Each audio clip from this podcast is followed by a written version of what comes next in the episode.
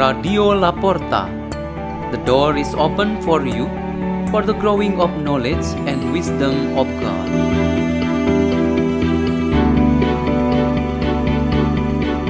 by Odiri Meggison from Lagos, Nigeria.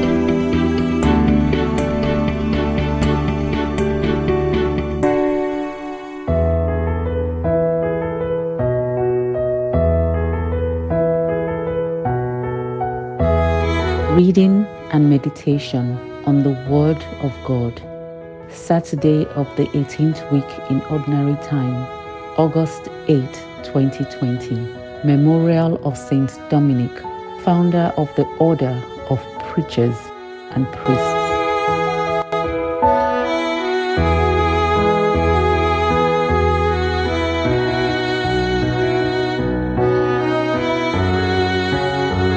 Gospel of Jesus Christ according to Matthew.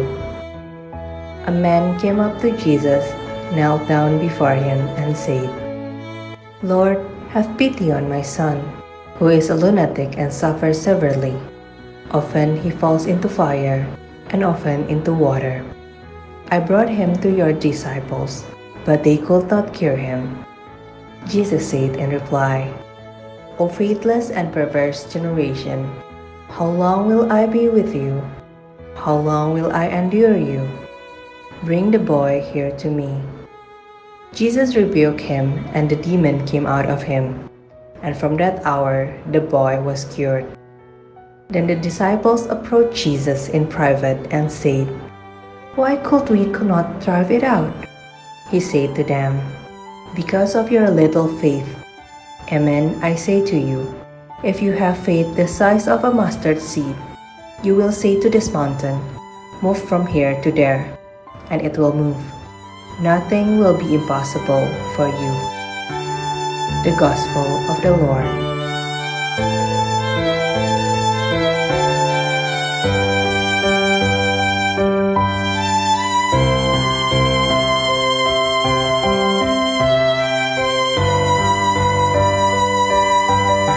Meditation today has the theme Faith as Big as a Mustard Seed.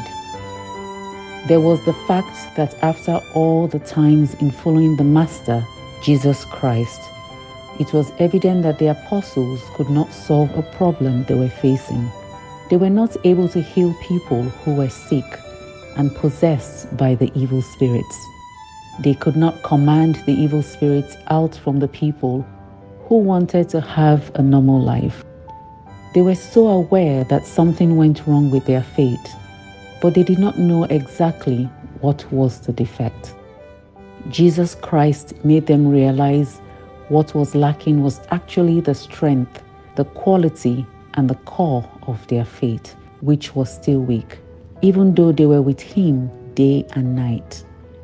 Faith is like a mustard seed, which is small but powerful, has good quality, strong, and has all possibility to grow big. With such great potential, a faithful person will be able to do what is impossible.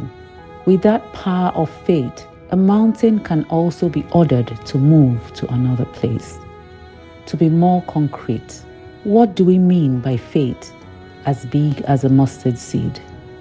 The most essential aspect is that in the life of a believer, God is the subject who speaks and does. This suits with what St. Paul says about his faithfulness to the Lord that it is not he who lives in himself, but Jesus Christ who lives in him. Supposedly, you are asked by a friend to help relieve him from the pain he suffers at a moment. You believe that God will do everything, and so you pray and offer all your attention to help him. But God is still number one to be given the space and opportunity to do his part. If people only rely on human abilities to solve problems or difficulties, they will become lazy, bored, angry, and eventually give up.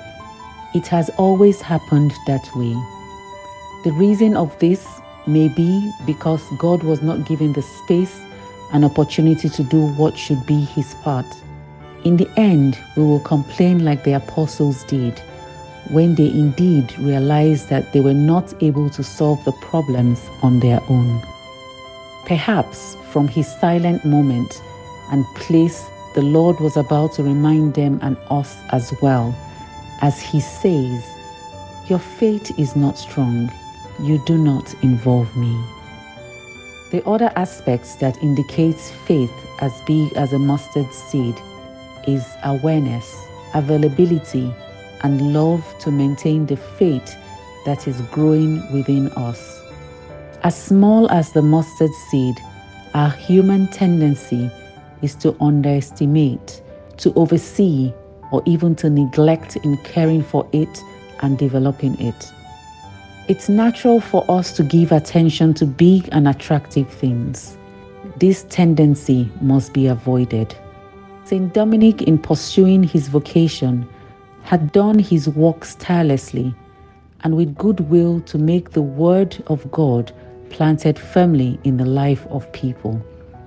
What he did was the same as the prophet Habakkuk, who said in the first reading that faith is the only reason for us to live in righteousness. Only then can our faith endure to the end. Let us pray. In the name of the Father, and of the Son, and of the Holy Spirit.